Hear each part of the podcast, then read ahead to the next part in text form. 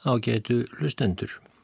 Svo var tíð og stóð öldum saman á Íslandi á fyrir tímum að ungum mönnum og þá engangu karlmönnum sem langaði að menta sig stóðu aðeins tveir vegir færir.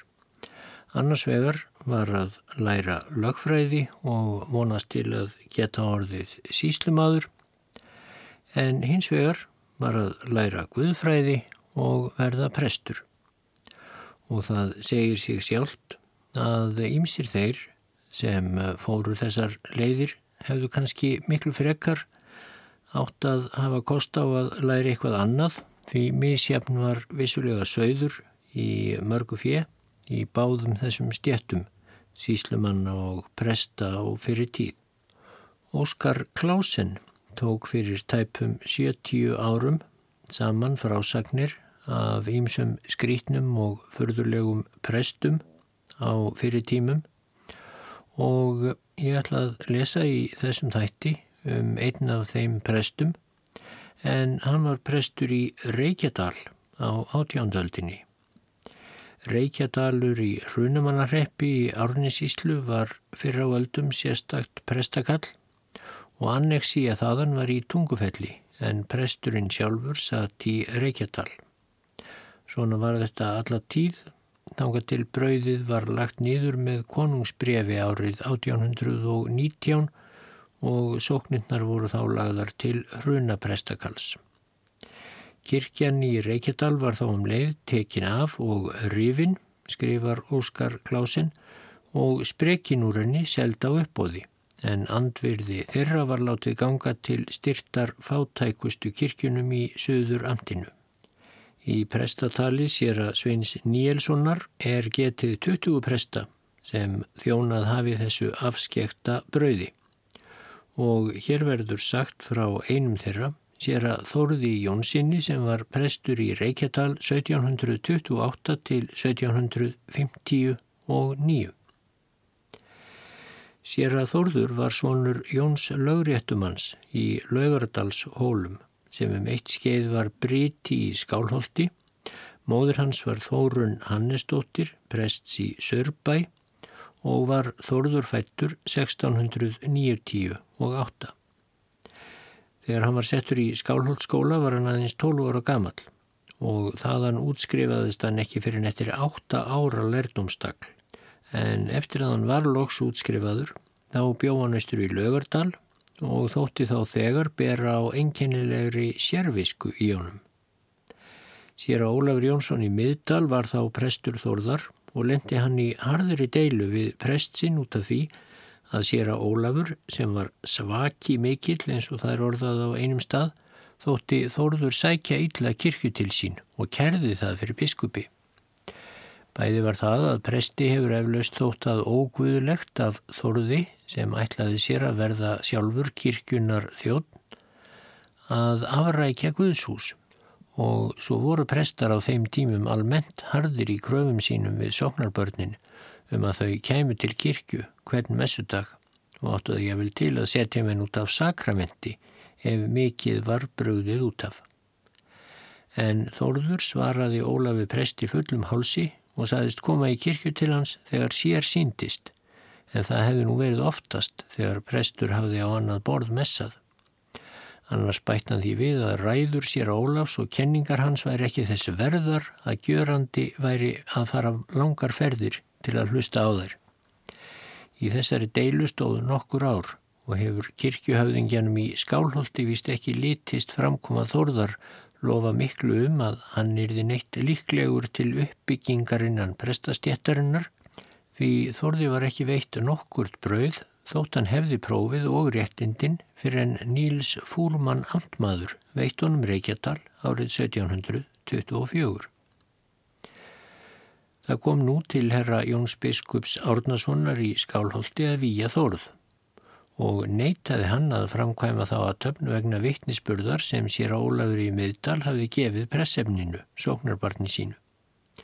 Sér Ólafur bara á Þórð ímsan óhróður sem Þórður stemdónum svo fyrir og urðu af því harðsnúin málaferðli sem laug svo að eh, sér Ólafur gati ekki sannað ábyrð sinn á Þórð og var hann því dæmdur í fjesektir fyrir prestadómi fyrir þann þvætting.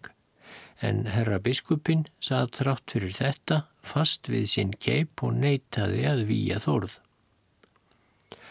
Þórður let samt ekki hugfallast og brá sér tafarlaust með eirabakkaskipinu út yfir pollin til kongsins kaupmannahafnar og mun fúrumann amtmaður hafa kvattan til þess að láta ekki í minni pokan fyrir biskupnum Jóni Árnasinni því að óvild var á milli amtmanns og biskups. Í kaupmannahafn gekk Þórður á háskólan um tíma og las þar meðal annars hebresku.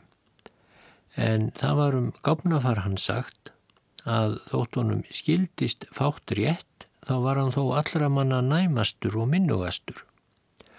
Og eftir ári í Kaupmannahöfn tók hann prófi í Guðfræði með fyrstu engun og svo lærður var Þórður síðan í hebresku að engin stóðunum þar á sporði hér á landi, ekki einu sinni biskupin sjálfur og svo vel var Þórður að sér í öðrum tungumálum að hann kunniðu í sjö auk móðurmálsins. Þegar Þórður hafði lokið prófi þá gerðist hann svo djarfur að ganga fyrir konung fyrir þeirri kvjórða og kerði herra Jón Biskup Árnason fyrir rangindi við sig en konungur tók máli hans svo vel að hann fyrirskipaði biskupi að výja Þórð tafarlaust og á nokkura undanbragða og með þetta fór Þórður heim til Íslands 1700 28. Jón Biskup var nú að beigja sig fyrir bóðum hans hátegnar, þó að eflaust væri honum það ekki ljúft, og nú loks výgðan Þórð til Reykjadalsbröðs sem honum hafi verið löglega veitt fyrir fjórum árum. En nú var sá anmarki á að biskup hafi veitt sér að artgrími Pálsinn í brauðið á meðan Þórður var utanlands. En úr því var ekki hægt að bæta nema með því að reka sér að Arngrím í burtu af staðnum og var það gjört og var sér að Arngrímur fyrirvara laust látin fara út í vestmannegar.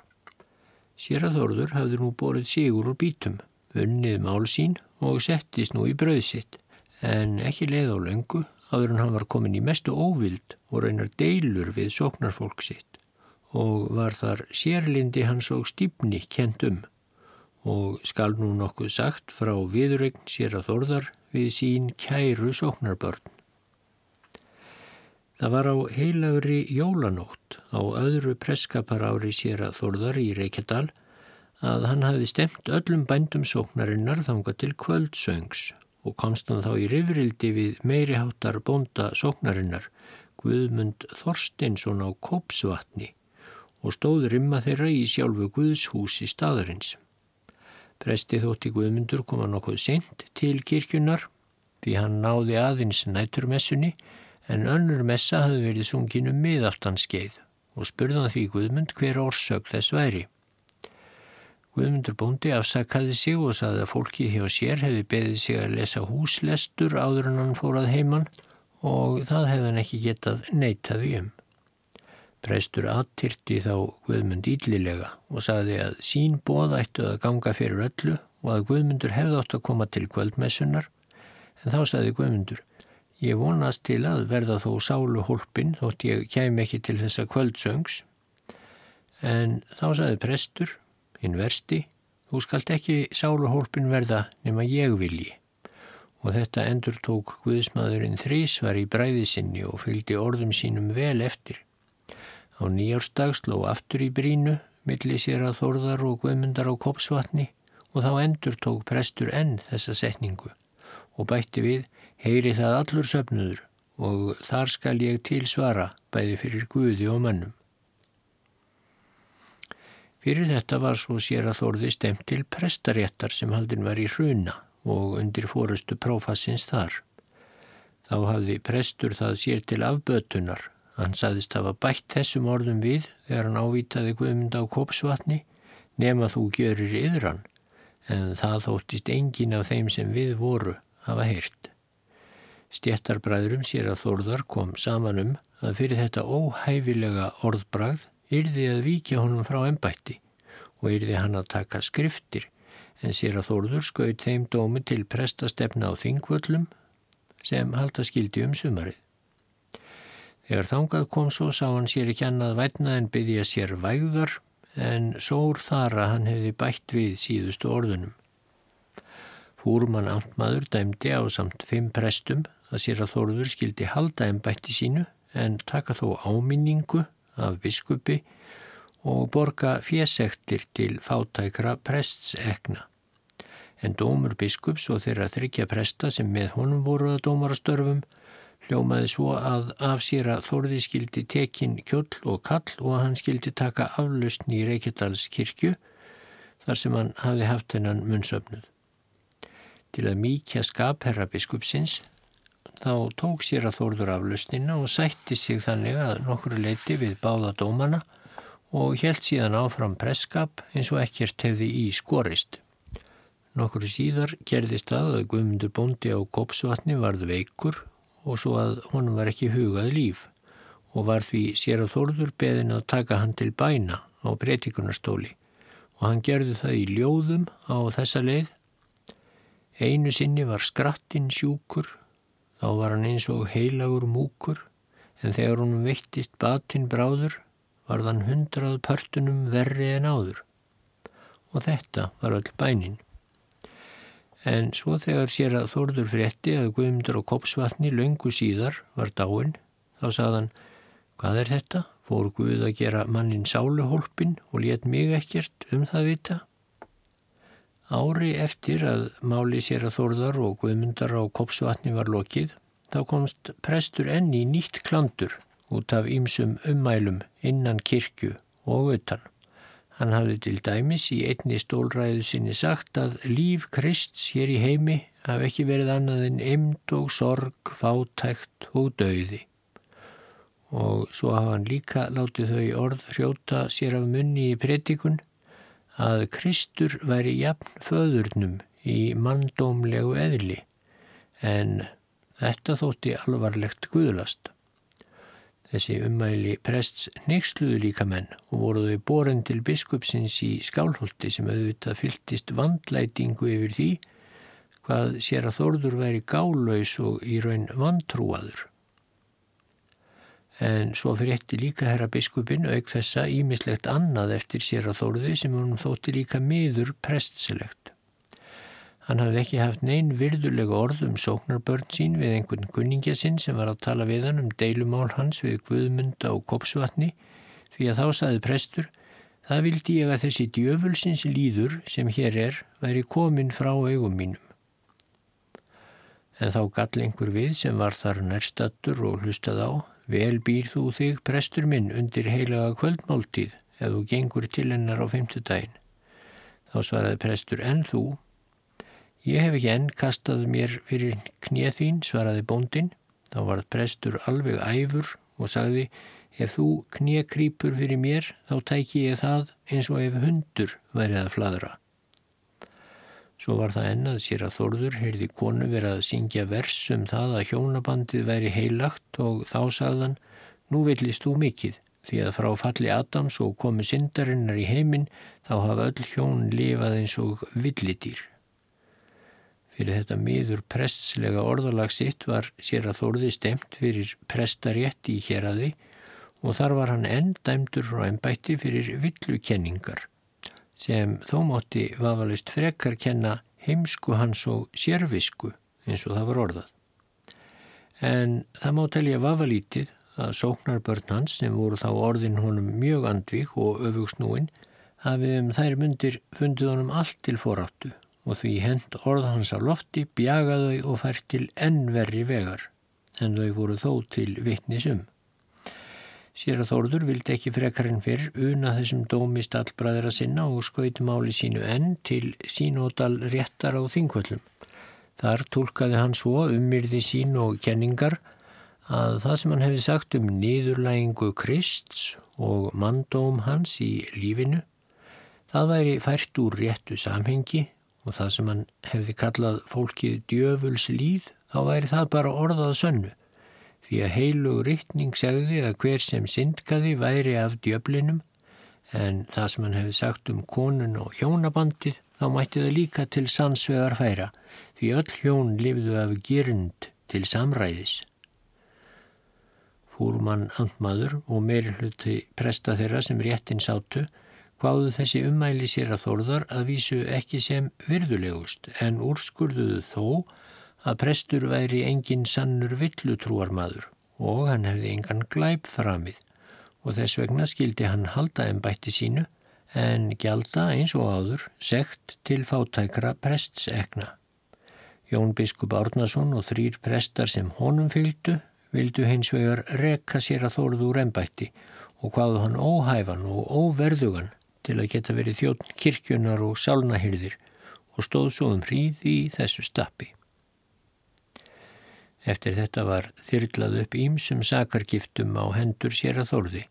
Þannig var hann til dæmis sakaður um að hafa falsað stefnu og skrifað einhver ókennileg nöfn undir hana en þegar til rannsóknar kom þá var það ekkert sannað á hann í þessu efni, síður en svo. Því var líka haldið fram að hann væri svo þrættu gern og yfirgangsamur að hann væri óhæfur til að vera prestur. Á þessari skoðun var herra biskupin í skálholti og svo klíka guðsmanna sem með honum stóð. En fúrmannaðmaður og þeir prestar sem honum fylgdu heldu alltaf hlífi skildi yfir sér þorði þegar mál hans kom til alþingis en þar hefur prestur efalust að einhverju leiti noti þess að vináta var sem sagt engin á milli fúrmann Amtmanns og Jóns biskups Árnasonar. Amtmaður taldi sér að þórð vera friðsaman og engar deilur byrja við mennað fyrrabræði því hann væri óáleitin en allar deilurnar værið að kenna sóknarmönnum sér að þórðar eða þá undirróður í biskupsins og nágranna presta hans. Annað einkennilegt kærumál á hendur sér að þórði góðis líka upp um þessar myndir sem óvinnir hans hendu mikið gaman að. Það fór sem sé að kvísast að sér að þórður væri alls ekki kristinnar trúar heldur hefði hann í utanför sinni um árið til Guðmannahafnar tekið gýðingatrú og látið umskerast. Með öðrum orðum látið gera á sér þá aðgerð sem þau trúarbröð krefjast að séu gerð á kartmönnum þegar forhúðin er skorin af. Forhúðin á tippinu sem sagt. En Óskar Klásen heldur áfram hvernig sem því nú var að þessi kvittur komst á gang eflaust fyrir tilstilli einhvers ósvífins eða sniðugs hattursmanns sér að þorðar þá komst þetta brátt í svo mikil hámæli að sóknarbörn sér að þorðar vildu brátt vita vissu sína í þessu efni og því var það að áttabændur í Reykjadalsókn skrifuðu nú prófasti sínum sér að orna Þorleifsinni í Hruna þann 18. júni 1730 og spurðu auðmjóklegast fyrir um það hjá hans vel æruverðu heitum hvort maður sem umskorinn sé á líkama sínum geti verið í prestsembætti. Þeir heimtuðu skýrt og ótvírætt svar upp á þetta og af því að prófasturinn muni vita hvað við sé átt, þá farið þér fram á að sóknarpresturinn þeirra sér að Þorður Jónsson verði skoðaður. Skjál þetta lagði svo prófasturinn fram í prestarétti sem útnemdur var í snatri og var sér að Þorður þar kallaður fyrir og hátilega spurður að því hvað hæft væri í þessum enginnilega sakar ábyrði. Hann svaraði ekki öðru en því að hann heldi fast við áksborgar trúarjáttninguna af öllu hjarta sínu og allir í sálu sinni og kendi samkvæmt henni en fylgdi engri villu og síst gýðingdómi og því væri ekkert hægt að finna það sér sem presti. Sér að Þorður mótmælti ákveðið þeirri kröfu bændana að hann yrði skoðaður enda þótt hann tæki ekki fyrir að eitthvað veri til í þeim orðrómi sem myndast hefði um umskurn sína. Mánuði síðar, þann 22. júli 1730, var sér að Þórður stattur á alþingi við Öksará og skrifaði þá prestastefnunni sem hafði þetta mál til meðferðar og byður hana að útnefna einhverja reynskilna guðismenn eins og hann orðar það til að skoða líkama sinn og tveimildugum síðar útnefna þeir fúrmanamtmaður og Jón Biskup fjóra síslumenn til að framkvæma þessa skoðun á tippinu á presti og gefa síðan skriflega skýrslu þar um. Skoðunar nefnt þessi tók þegar til starfa og skoðuðu þeir líkama sér að þorðar sama daginn. En í vottorði sem þeir gáfu samstundis og ennþá er til, þá er það tekið fram að þeir hafi ekki getað séð það á limi sér að þorðar að hann hafi verið umskorinn eins og gýðingur. En hins vegar sé það sjáanlegt á limnum að þar séu einhverjar skemdir eftir meinsemd líklega og þar hafi máski verið gjörð stífing á slíks séu vissulega dæmi. En því álítið þeir prest alveg saklausan af þeim ábyrði að hann sé umskorinn líkt og gýðingur og með þessu var svo þetta leiðinlega mál úr sögunni. Margar sakir voru ennborðnar á sér að þórði í öllum þessum málaferlum og ofsóknum. Flestar þeirra voru smávægilegar eins og til dæmis að sóknarmenn fundu honum það til saka að hann hefði ekki í einni messunni farið eftir réttu rituali og hann hefði flutt ræðuna fyrir aldarinu en ekki farið í stólinn eins og venja er til. Þetta mál var líka rannsakað, hátt og látt og þá kom sannleikurinn í ljós. Sér að Þórður laug alltari stjónustunni eins og venja var áður en hann færi í stólinn en í þetta skipti var einn búndi í sókninni, mikill hattursmaður pressins Þorstein okkur Kolbensson, hann var komin upp í stólinn þegar sér að Þorður ætlaði ángað og varnaði honum að flytja þaðan ræðu sína. Sér að Þorður sagði að með því að Þorstein þessi væri svaðamenni mikill hefði sér ekki þótt árennilegt að tuskast við hann þarna í kirkjunni og þá ekki síst vegna þess að hann var í hempu sinni og því hafa hann tekið þann kostin að snúa aftur til alltaritsins og flytja ræðu sína þaðan. En það var svo sem sagt sér að Þórður sem var kærður fyrir að flytja ræðuna við alltarið en ekki úr breytikunarstólum. En þó að slikt sem þetta kemi fyrir í námunda við biskupstólinn að prestur væri hindraður í því að framkvæma Guðstjónustuna eins og til var ætlast, þá sést ekki að hans herradómur í skálholti hafi fundið nokkuð aðtóvert við það eða að þessi þorstein hafi orði fyrir nokkrum ákúrum. En hitt er víst að hversu smá misfella sem varð á ennbættisfærslu sér að þorðar, þá var reynd að gjöra úr henni stór sakir.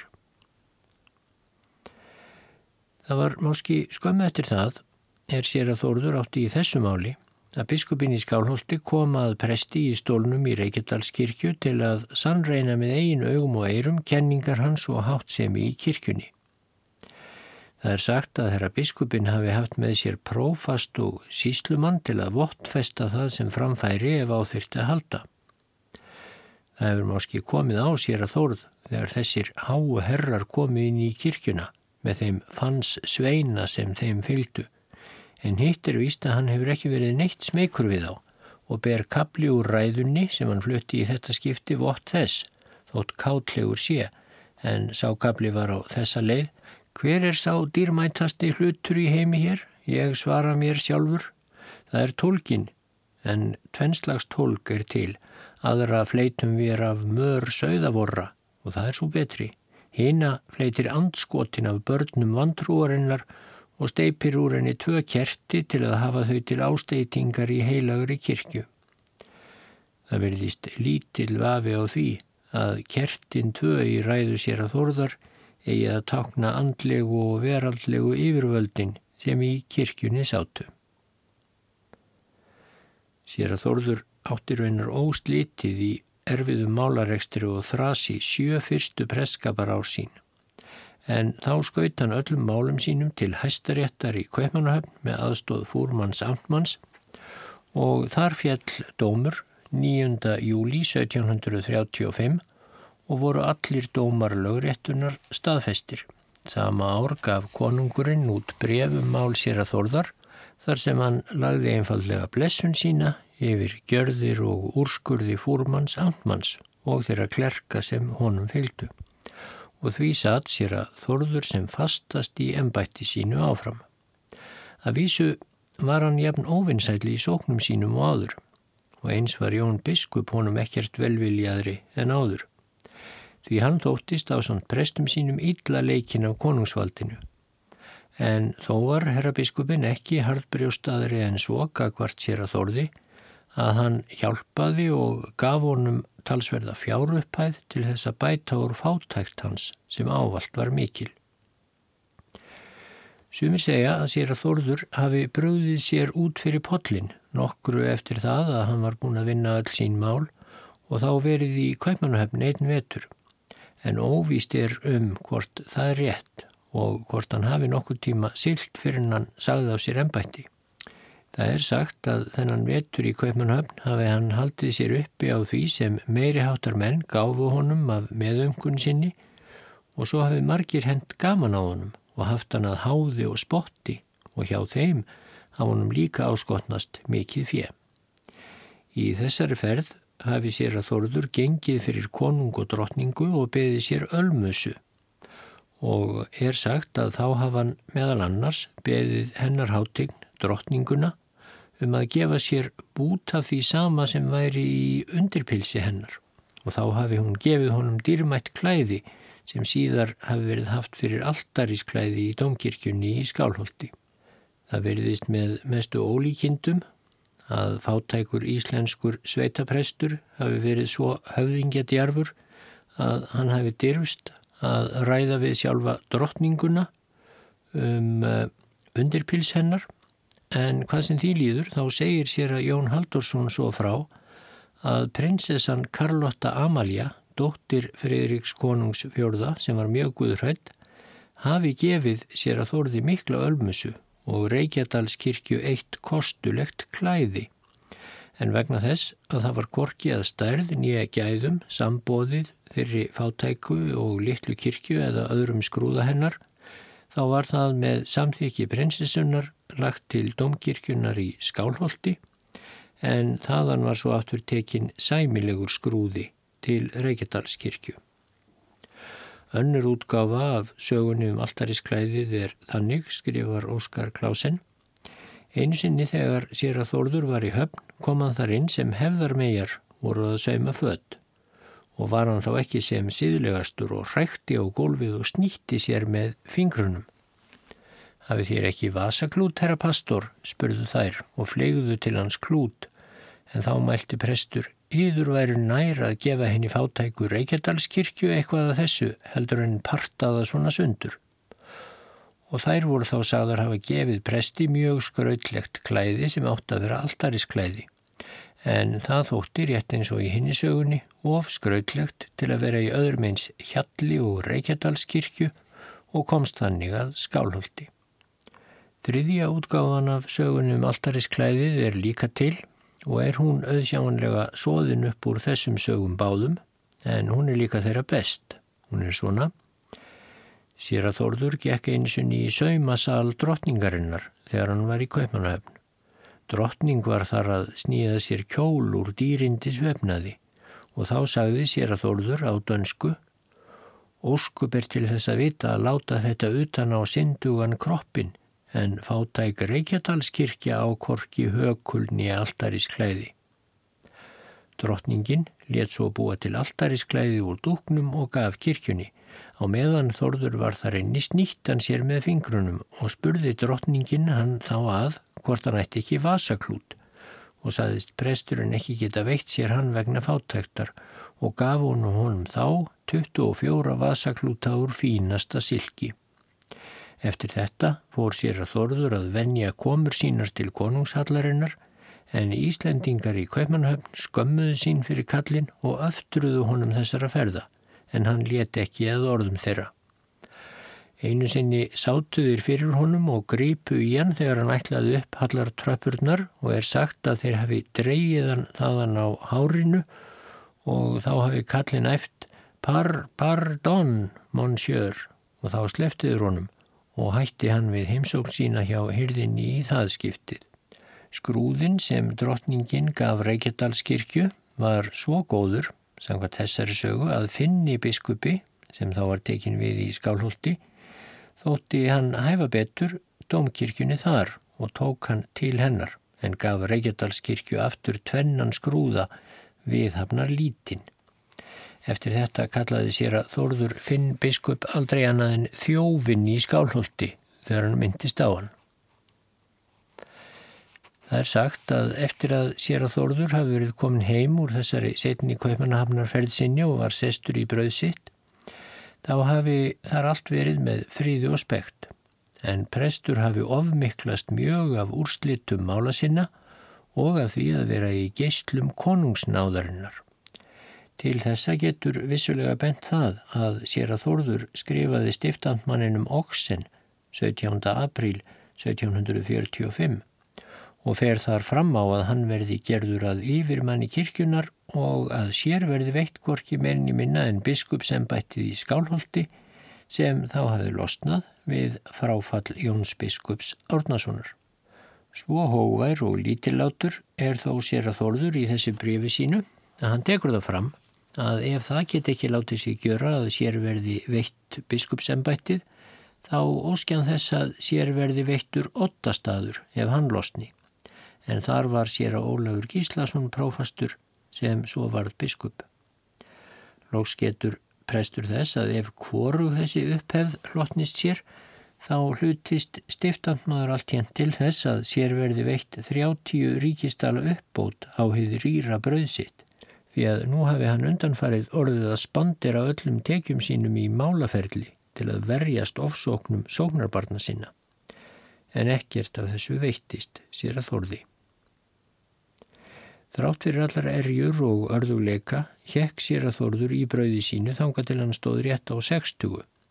En þá var hann orðin svo þreyttur á prestörfum og búskaparbaslinu að hann sagði af sér ennbætti 12. júli 1758 og mun það líka hafa verið eftir kröfu herra Finns biskups sem þá var tekin við í skálholti.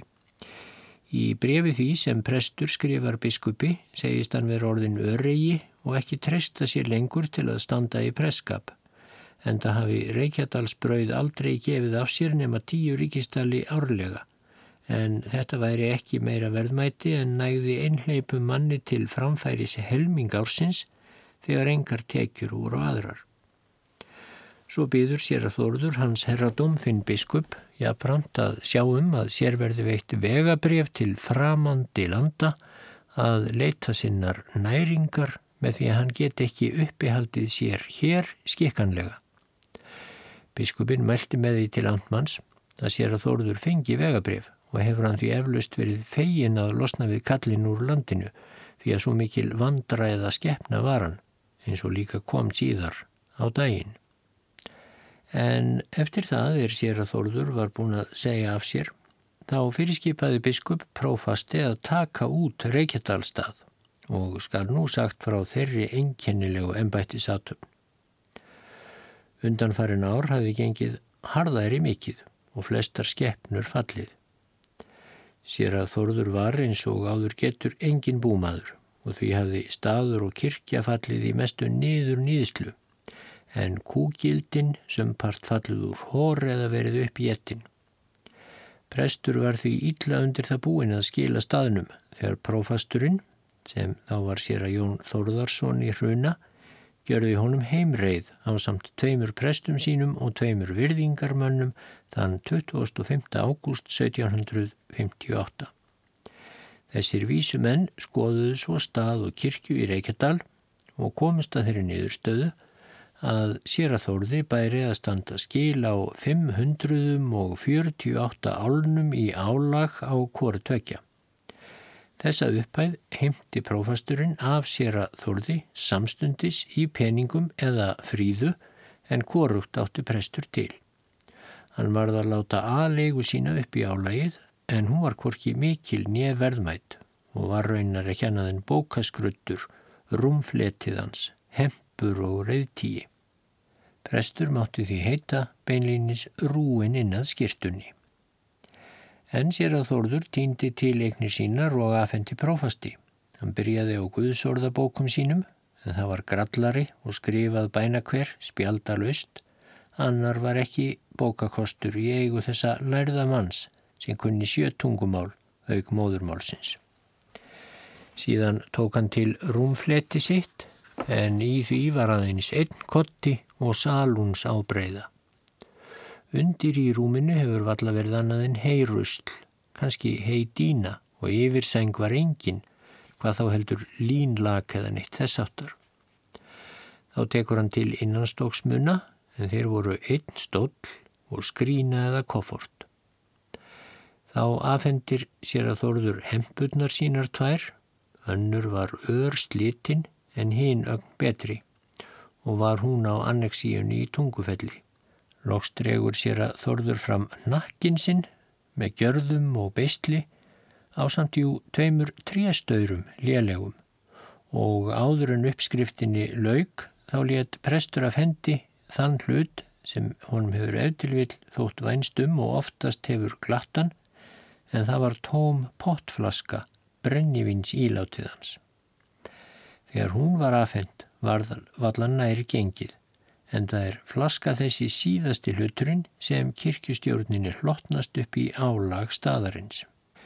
En ekki nægði þetta samt upp í rúm 500 á landsvísu sem sér að þóruði bara að svara til og þegar búið var að afhenda hans áæruverðu heitum prófastinum í rauna, þetta ofanreitaða dót, þá kemst hans svo að orði í útöktar gjörðinni.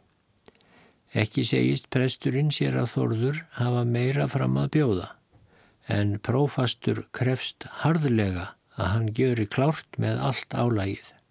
En hvað stóðuðu kröfur prófasts?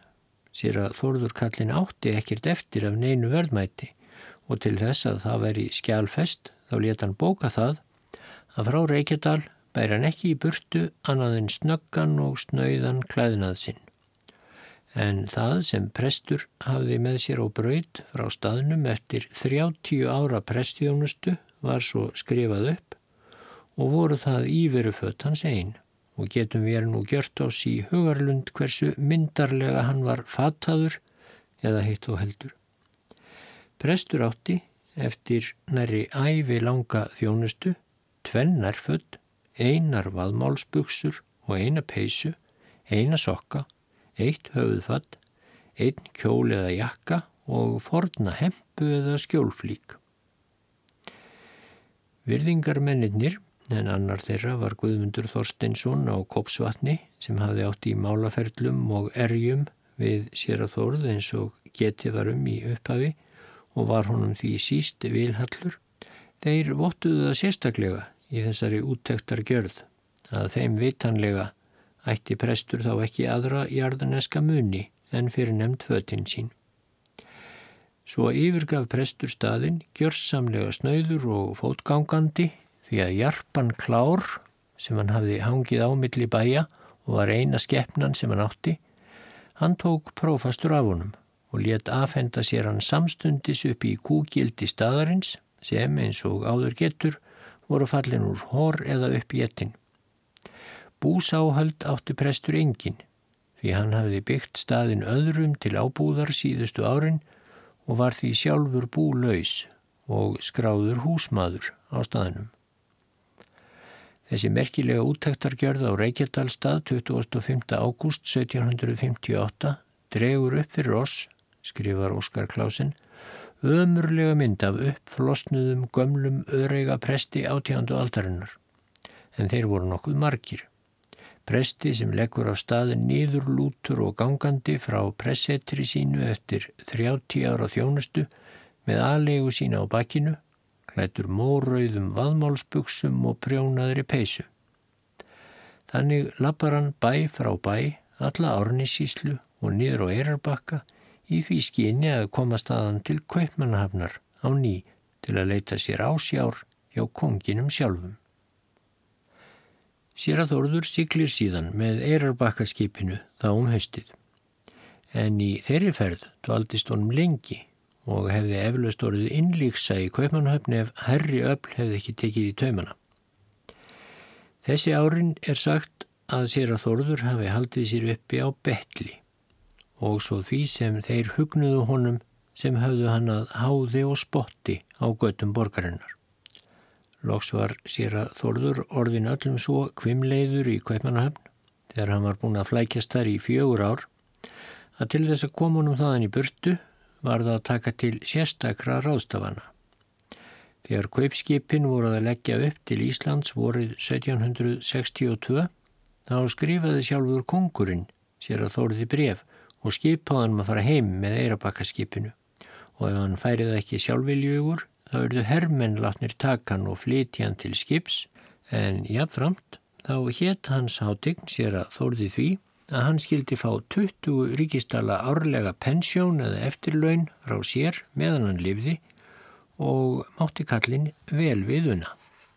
Á þessum árum var Randsá Greifi orðin stiftandmaður yfir Íslandi og var hann sér að þóruði góður og umgæði hann en prestur galt oft góðsemi hans með ónótum ef svo bara undir og svo saga er þar um að einhverju sinni hafi þeir verið að tala saman og ekki verið á eitt sáttir og hafi sér að þóruður sagt við greifan mikill rusti ert þú Randsá höfðingjadjarfur var Sýraþórður alltaf, hvað sem öðru leið. En Sýraþórður held nú heim vorið 1762 og fór þá beint í Skálholt, þar sem Finnur biskup var nú tekin við ennbætti. Og mun það hafa verið að undirlægi stiftandmanns sem Þórður held þangað, en það mun hann hafa skrifað biskupi og lagt fyrir hann að taka á móti Sýraþórði en biskupi var kallin reyndar engin auðfúsu gestur og vildan helst ekki taka mótunum.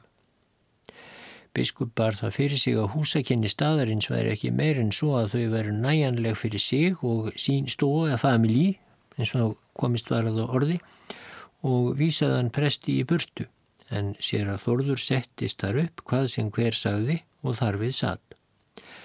Og í skálholti dvaldi sér að Þorður til æviloka þó vistinn væri honum þar oft mjög erfið eins og síðar verður frá sagt.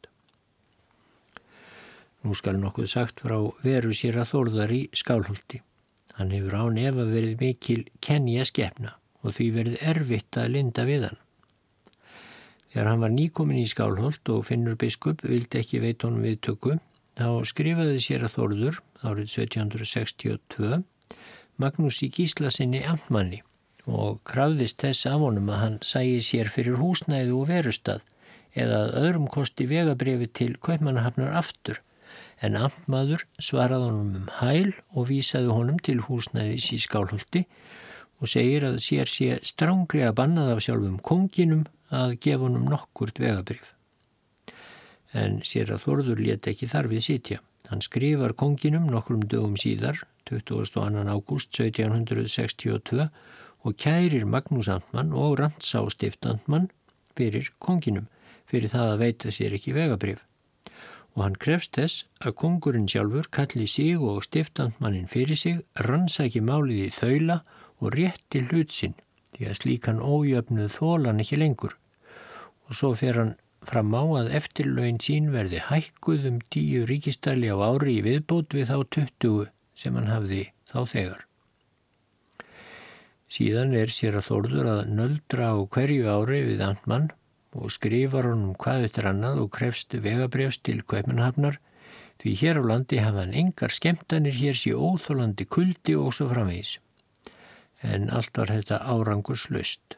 Engin gengdi kallinum lengur. Þann 5. ágúst 1764 eða tveim árum eftir þau brefaskrifti sem nefnd úr áðan Þá skrifar sér að þóruður konginum enn úr skálhulti mikið bref eða bænaskrá sem hann sendir amtmanni og byður hann að gefa meðmæli sín. Í því brefi ber prestur sig illa og segir að nú séu liðin þrjú ár síðan hans hátign hafi skipað sér að fara tafarlaust til Íslands eftir fjögur ára dvöli í höfðustafnum og svo hafi þessi skipun verið hörð að hátegnin hafi hótað sér að herrmenn skildu taka sig og flytja sig til skips ef hann fær ekki viljögur. Þetta segist sér að Þorður gamli hafa orðið að þóla bótalust og síðan hafa hann verið í skálholti þar sem hver dagur hafi verið sér eins og hann væri í tukthúsi. Síðan þakkar hann konungi fyrir 20 ríkistala eftirlaunin sem hann hafi notið tvö undanfarin ár en þau taki biskupin fyrir uppehald sitt og svo geti hann korki veitt sér fött en ég annað sem hann þarnist.